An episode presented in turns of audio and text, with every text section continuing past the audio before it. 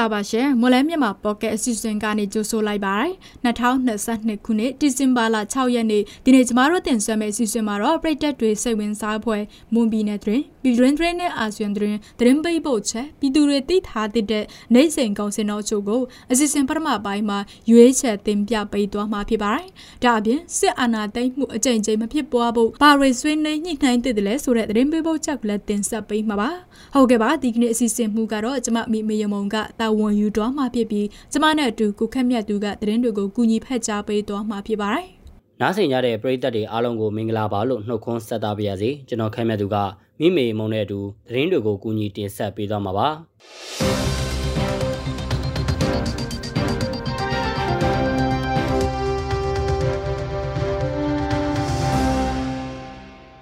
တော်မြို့နယ်မှာမနေ့ကမနေ့ပိုင်းမှာဆက်လေတစည်းရဲ့1 byte အတွင်းတင်ဆောင်လာတဲ့ရိုဟင်ဂျာ80နီးပါးကိုစစ်ကောင်စီတပ်တွေကဖမ်းဆီးသွားတယ်လို့တရားခံတွေစီကသိရပါတယ်။ဖမ်းဆီးမိခဲ့တဲ့ဆက်လေဟာမနက်9နာရီဝန်းကျင်ကကမာဝက်ချောင်းဝမှာခိတကြောက်ချရက်နာထားချိန်စစ်ကောင်စီလက်အောက်ခံဌာနဆိုင်ရာပူးပေါင်းအဖွဲ့တွေကတွားရောက်စစ်ဆေးခဲ့ပြီးရိုဟင်ဂျာတွေကိုတွေ့ရှိဖမ်းမိသွားတာဖြစ်တယ်လို့ဆိုပါတယ်။ ဖမ်းဆီးခံရတဲ့အထက်မှာအသက်မပြည့်သေးတဲ့ကလေးတွေအပါအဝင်ကြား56ဦးမှ22ဦးပါဝင်ပြီးတချို့ကဗမာစကားကိုကောင်းကောင်းမွန်မွန်မပြောနိုင်ဘူးလို့ဆိုရတယ်။လက်ရှိဖမ်းဆီးခံထားရတဲ့ရိုဟင်ဂျာအလုံးကိုမှုတော်မျိုးမှ yes ကန်မှာ၆နှောင်ထားပြီးစစ်ဆေးမေးမြန်းတာတွေလုပ်နေတယ်လို့အဲ့ဒီ yes ကန်နဲ့နှိစက်သူတဦးကပြောပါတယ်။တရားခံတွေပြောကြချက်အရဖမ်းဆီးခံရတဲ့ရိုဟင်ဂျာတွေဟာရခိုင်ပြည်နယ်ဘက်ကရွှေ့ပြောင်းလာကြသူတွေဖြစ်ကြပြီးရန်ကုန်ကနေမလမြိုင်အထိကားနဲ့တင်ဆောင်လာခဲ့ပြီးနောက်မူတော်မျိုးကတည်းကရေလန်းကျောင်းအတိုင်းဆက်လှေတွေနဲ့ထိုင်းနိုင်ငံဘက်ကိုတွားရောက်အလောက်လောက်ကင်ကြမှာဖြစ်တယ်လို့ဆိုပါရယ်စစ်ကောင်စီတပ်တွေဖြစ်ကြတဲ့မွန်ပြည်နယ်တိန်စီရဲ့အခြေဆိုင်အမတ310ကပြီးခဲ့တဲ့3ရက်ကကြောက်ဖြာကြီးရွာကိုလက်နက်ကြီး9လုံးလောက်ပစ်ခတ်ခဲ့ပြီးတနေ့ကတော့ဇီးပြောင်းကျေးရွာတင်လက်နက်ကြီး9လုံးလောက်ပစ်ခတ်ခဲ့တယ်လို့ကရင်အမျိုးသားစီယုံ KNU ကသတင်းထုတ်ပြန်ထားပါတယ်။ပစ်ခတ်မှုကြောင့် ကြိုက်ထိုဘက်ကဒေသခံ4000ကျော်ထွက်ပြေးနေရတယ်လို့စစ်ဘေးရှောင်တွေကိုအကူအညီပေးနေသူတဦးကပြောပါတယ်။ဒေသခံတွေကတော့လက်နက်ကြီးနဲ့ပစ်ခတ်တာလေကြောင်းကနေမကြာခဏဘုံကျဲတိုက်ခိုက်မှုတွေကြောင့်စိုးရိမ်ထိတ်လန့်နေပြီးနေအိမ်တွေမှာမနေရဲကြတော့ပါဘူး။ကြောက်ဖြာရွာနဲ့ဇီးပြောင်းရွာမှာတော့လက်နက်ကြီးထိမှန်လို့အိမ်တွေအတော်များများပျက်စီးသွားခဲ့ပြီးလက်နက်ကြီးကြားရောက်ပြီးတဲ့နောက်တရွာလုံးဘေးလွတ်ရာကိုထွက်ပြေးတိမ်းရှောင်ခဲ့ရတယ်လို့လည်းဆိုပါတယ်။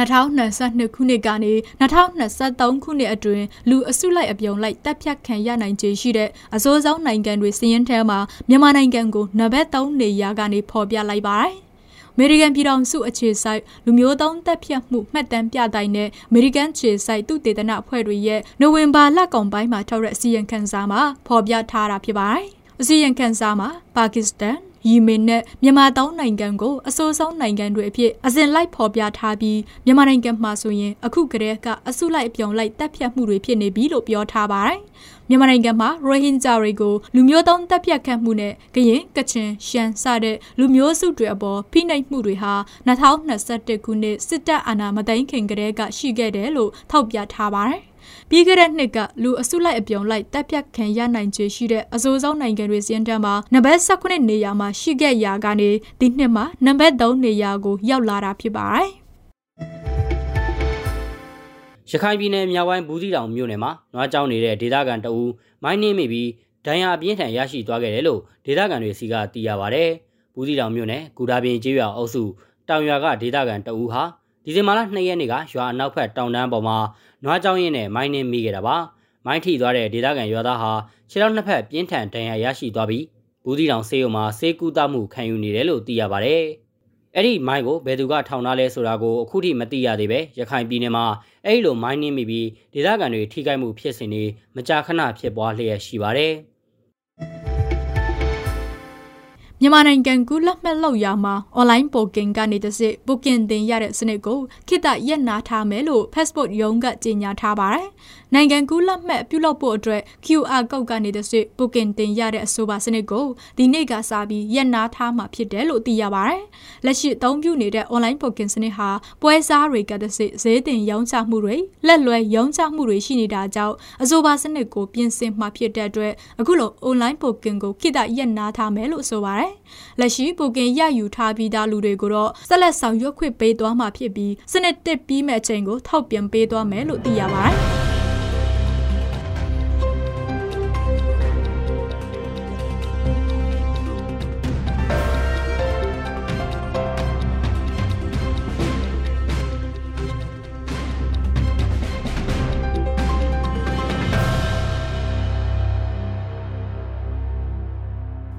ဟုတ်ကဲ့ပါဆက်လက်ပြီးတော့ပြည်သူတွေသိထားတဲ့နိုင်စင်ကောင်စင်အောင်တဲ့အချို့ကိုမလမြိုင်ကောင်စီတိုင်းကချက်လက်တို့ကိုအခြေခံပြီးကျမကတင်ဆက်ပေးပါအောင်မယ်ဒီကနေ့ထိုင်းနဲ့မြန်မာငွေလဲနှုန်းကတော့ထိုင်းဘတ်89တရမ95ဝယ်ဈေးရှိပြီးရောင်းဈေးက80တရမ95ရှိနေပါတယ်ဒေါ်လာဈေးကတော့အမေရိကန်ဒေါ်လာကိုဝယ်ဈေးမြန်မာငွေ2830ကျပ်ရှိပြီးရောင်းဈေးကတော့2830ကျပ်ရှိပါတယ် ရွှေဈေးနှုန်းကမီလ16ပဲရတဲ့ကြက်သားကိုရန်ကုန်ရွှေအသင်းဒီကနေ့ဈေးကွက်မှာ20သိန်း8600ရှိနေပြီးအပြင်ပေါက်ဈေးမှာ26သိန်းအထက်မှာရှိနေပါတယ်။စက်သုံးစုတွေကတော့ဒီဇယ်တလီတာကို2405ကျပ် အောက်သိန်း92တလီတာကို2030ကျပ်နဲ့95တလီတာကို2100ကျပ်အထိရှင်တာပါ။စံစင်းနှုန်းကတော့အကောင့်စားပေါ်စံမှွေအမြင့်ဆုံးကို6100ကျပ်အလယ်လက်တန်စံမျိုးစားပေါ်ကျက်တဲ့အနှိမ့်ဆုံးကို9100ကျပ်နဲ့အမထဆန်ရီကတော့အနှိမ့်ဆုံးကို4000ကျပ်နဲ့အမြင့်ဆုံးကို4500ကျပ်အထိရှင်တာပါ။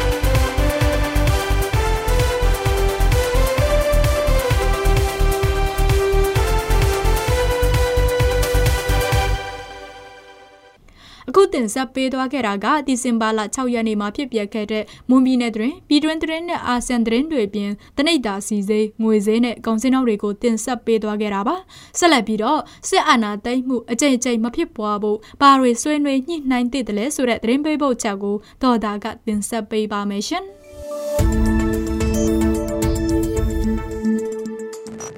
မြမစစ်တပ်ကနိုင်ငံတော်အာဏာကိုအကြိမ်ကြိမ်အခါခါမရယူဖို့တပ်ဆိုင်ရာနိုင်ငံရေးအင်အားစုတွေကြားဘလို့သဘောတူညီချက်တွေဆွေးနွေးညှိနှိုင်းရယူထားသေးလဲဆိုတာကိုမြမနိုင်ငံရေးအတိုင်းဝိုင်းကြားမှာဆွေးနွေးလျက်ရှိပါတယ်။အဲ့ဒီကိစ္စဟာအယက်သားဆိုရပေါ်လာပြီးနောက်အယက်သားဆိုရရဲ့အုပ်ချုပ်မှုအောက်မှာစစ်တပ်ကိုထားလိုက်ပါကပြည်လဲသွားမှာဖြစ်တယ်လို့တိုင်းသားလက်နက်ကိုင်ကောင်းဆောင်သူဖြစ်သူဗိုလ်မှူးကြီးခွန်အောက်ကကပြောပါတယ်။လက်နက်ကိုင်တပ်ကဒီဒီမိုကရေစီအယက်သား အုပ်ချုပ်မှုအောက်မှာထားလိုက်ရင်တော့မဖြစ်တော့ဘူးပေါ့ဗျာ။ civilian supremacy ဆိုတဲ့ကျွန်တော်တို့ဥပဒေပါကိုလိုက်နာနိုင်ရင်တော့ကျွန်တော်တို့မဖြစ်တော့ဘူးပေါ့နောက်က။အဲ့ဒီလို supremacy ဆိုတဲ့ဥပဒေပါကိုရဖို့ကလည်းကျွန်တော်တို့အချိန်တစ်ခုတော့စောင့်ကြည့်ရမယ်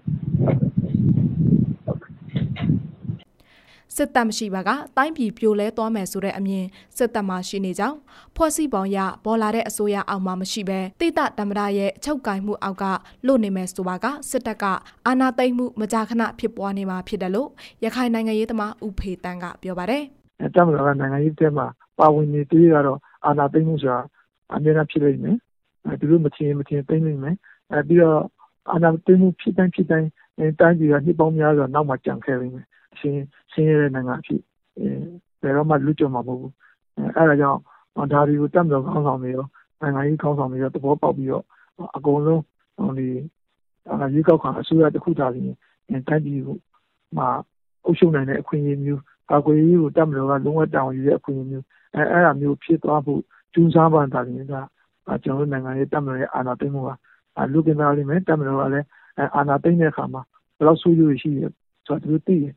တိပေမဲ့အဲ့လိုစိတ်စိတ်ဒေါသစိတ်ပေါ့နော်အဲ့လိုမခံရှင်စိတ်ငါတို့အတိမမပြုငါတို့စကားကိုဟိုလက်မခံဒါဆိုရင်တိုင်းပြည်တော့ပြတ်တော့မှာပဲဆိုတော့အာဂါရိတ်အာဂါရစိတ်အဲ့အဲ့မကြည့်မကြည့်နဲ့စိတ်အဲ့အဲ့ဒါနဲ့အာနာသိနေရ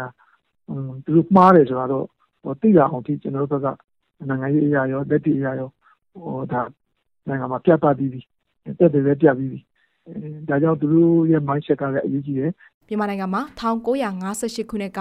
အာဏာရအယက်သားဝန်ကြီးချုပ်ဦးနုထံကနေနိုင်ငံတော်အာဏာကိုဗိုလ်ချုပ်ကြီးနေဝင်းမှလွှဲပြောင်းရယူခဲ့တယ်လို့1962ခုနှစ်မှာလဲစစ်တပ်ကဝန်ကြီးချုပ်ဦးနုခေါင်းဆောင်တဲ့အယက်သားအစိုးရကိုဖျောက်ချပြီးနိုင်ငံတော်အာဏာကိုသိမ်းယူခဲ့ပါတယ်အလားတူ1988ခုနှစ်ရောက်တဲ့အခါမှာလဲចောင်းသားအရေးတော်ပုံကနေတစစ်စစ်တပ်ကအစိုးရကိုဖျောက်ချပြီးနိုင်ငံတော်အာဏာကိုသိမ်းယူခဲ့ပြန်ပါတယ် အဲ့ဒီနောက်2021ခုနှစ်ဖေဖော်ဝါရီလတရက်ကမြန်မာစစ်တပ်ဟာတောအောင်ဆန်းစုကြည်ဦးဆောင်တဲ့ NLD အစိုးရကို2020အထွေထွေရွေးကောက်ပွဲမဲစင်းရဲ့အငင်းပွားမှုကိုမဖြေရှင်းပဲအစိုးရဖွဲ့စည်းရေးကြိုးပမ်းတယ်ဟုဆိုကဖျောက်ချခဲ့ပြီးနောက်နိုင်ငံတော်အာဏာကိုသိမ်းယူခဲ့ပါတယ်။လက်ရှိမှာအရေးပေါ်ကာလဖြစ်ပြီးနိုင်ငံတော်အာဏာကိုတမတော်ကထိန်းထားကြောင်းကြားဖြတ်အစိုးရပေါ်လာမှာဖြစ်ကြောင်းရှမ်းတိုင်းရင်းသားများဒီမိုကရက်တစ်ပါတီ SNDP မှဥက္ကဋ္ဌစိုင်းအိုက်ပေါင်ကပြောပါတယ် ဒီဟာကအခြေခံဥပဒေတိုင်းကသူဒီအရေးပေါ်ကာလဖြစ်လို့ပါအာနာထိတ်တဲ့တပွဲမိပါအာနာတိတ်တာမှမဟုတ်တာအာနာတိတ်တယ်ဆိုလို့ရှိရင်အခြေခံဥပဒေပြတ်သွားတာပေါ့အခြေခံဥပဒေမှမပြတ်ပြတော့ဘူးတော့အခြေခံဥပဒေတိုင်းပဲသူတို့လုပ်နေတာဟုတ်သူကတက်ပန်းကနှစ်နှစ်ပဲလေကဒီဇန်နဝါရီ31ရက်နေ့ဆိုရင်နောက်ဆက်ကတက်ပန်းကုန်ပြီလေချပြအစိုးရလာတော့မှာပေါ့ချပြအစိုးရဘသူကဦးမင်းဆွေကတော့အကြီးဆုံးဖြစ်သွားမှာပေါ့အဲ့ဒီစင်ကြရင်ဦးမင်းဆွေကဘသူ့ကိုခတ်မလဲဆိုတော့ သူ့ပေါ်မှာပဲမူတည်တယ်အားလုံးကကာလုံလက်ထက်ရောက်သွားပြီလို့အာနာပြန်ပြီးတော့ကာလုံလက်ထက်ပြန်ရောက်သွားတယ်ကာလုံလက်ထက်ရောက်တဲ့အခါမှာဦးမင်းဆွေဥက္ကရာဆိုတော့သူကပါဝါရှိဆုံးပုဂ္ဂိုလ်ပဲလေဒီကဥပဒေပြဋ္ဌာန်းတာတယ်ကြာ2021ခုနှစ်ဖေဖော်ဝါရီလတရနေ့ကဖြစ်ပေါ်ခဲ့တဲ့နိုင်ငံရေးပြောင်းလဲမှာစစ်တပ်နဲ့နိုင်ငံရေးပါတီတချို့ကစစ်တပ်ဟာနိုင်ငံတော်အာဏာကိုထိန်းထားခြင်းတာဖြစ်ပြီးအာဏာသိမ်းခြင်းမဟုတ်ဘူးလို့ပြောဆိုရက်တီလျက်ရှိနေပါတယ်။အ မျိုးသားဒီမိုကရေစီဖော်ချုပ် NLD ဒီမိုကရေစီအင်အားစုတွေနဲ့ပြည်ပနိုင်ငံတွေကတော့စစ်တပ်ဟာနိုင်ငံတော်ကိုအာဏာသိမ်းခဲ့ခြင်းဖြစ်တယ်လို့ပြောဆိုရည်တည်လျက်ရှိနေပါတယ်။အဲဒီနောက်စစ်တပ်ဟာနာဆာကကိုဖွဲ့စည်းက2023ခုနှစ်မှာအထွေထွေရွေးကောက်ပွဲကျင်းပပေးမှာဖြစ်ကြောင်းရွေးကောက်ပွဲအနိုင်ရရှိတဲ့နိုင်ငံရေးပါတီကိုနိုင်ငံတော်အာဏာအားလွှဲပြောင်းပေးသွားမှာဖြစ်တယ်လို့စစ်ကောင်စီဥက္ကဋ္ဌဗိုလ်ချုပ်မူကြီးမင်းအောင်လှိုင်ကပြောကြားထားပါတယ်ရှင်။ ကျွန်တော်တို့ရဲ့မွန်လန်းမြန်မာပေါ့ကတ်အစီအစဉ်ဒီမှာတင်ပြီးဆုံးပါပြီ။နားဆင်ကြတဲ့ပရိသတ်တွေအားလုံးကိုနောက်နေ့အစီအစဉ်တွေမှာဆက်လက်အားပေးကြပါအောင်လို့ဖိတ်ခေါ်ရင်းအစီအစဉ်ကိုအဆုံးသတ်ပါရစေ။အားလုံးကိုကျေးဇူးတင်ပါတယ်ခင်ဗျာ။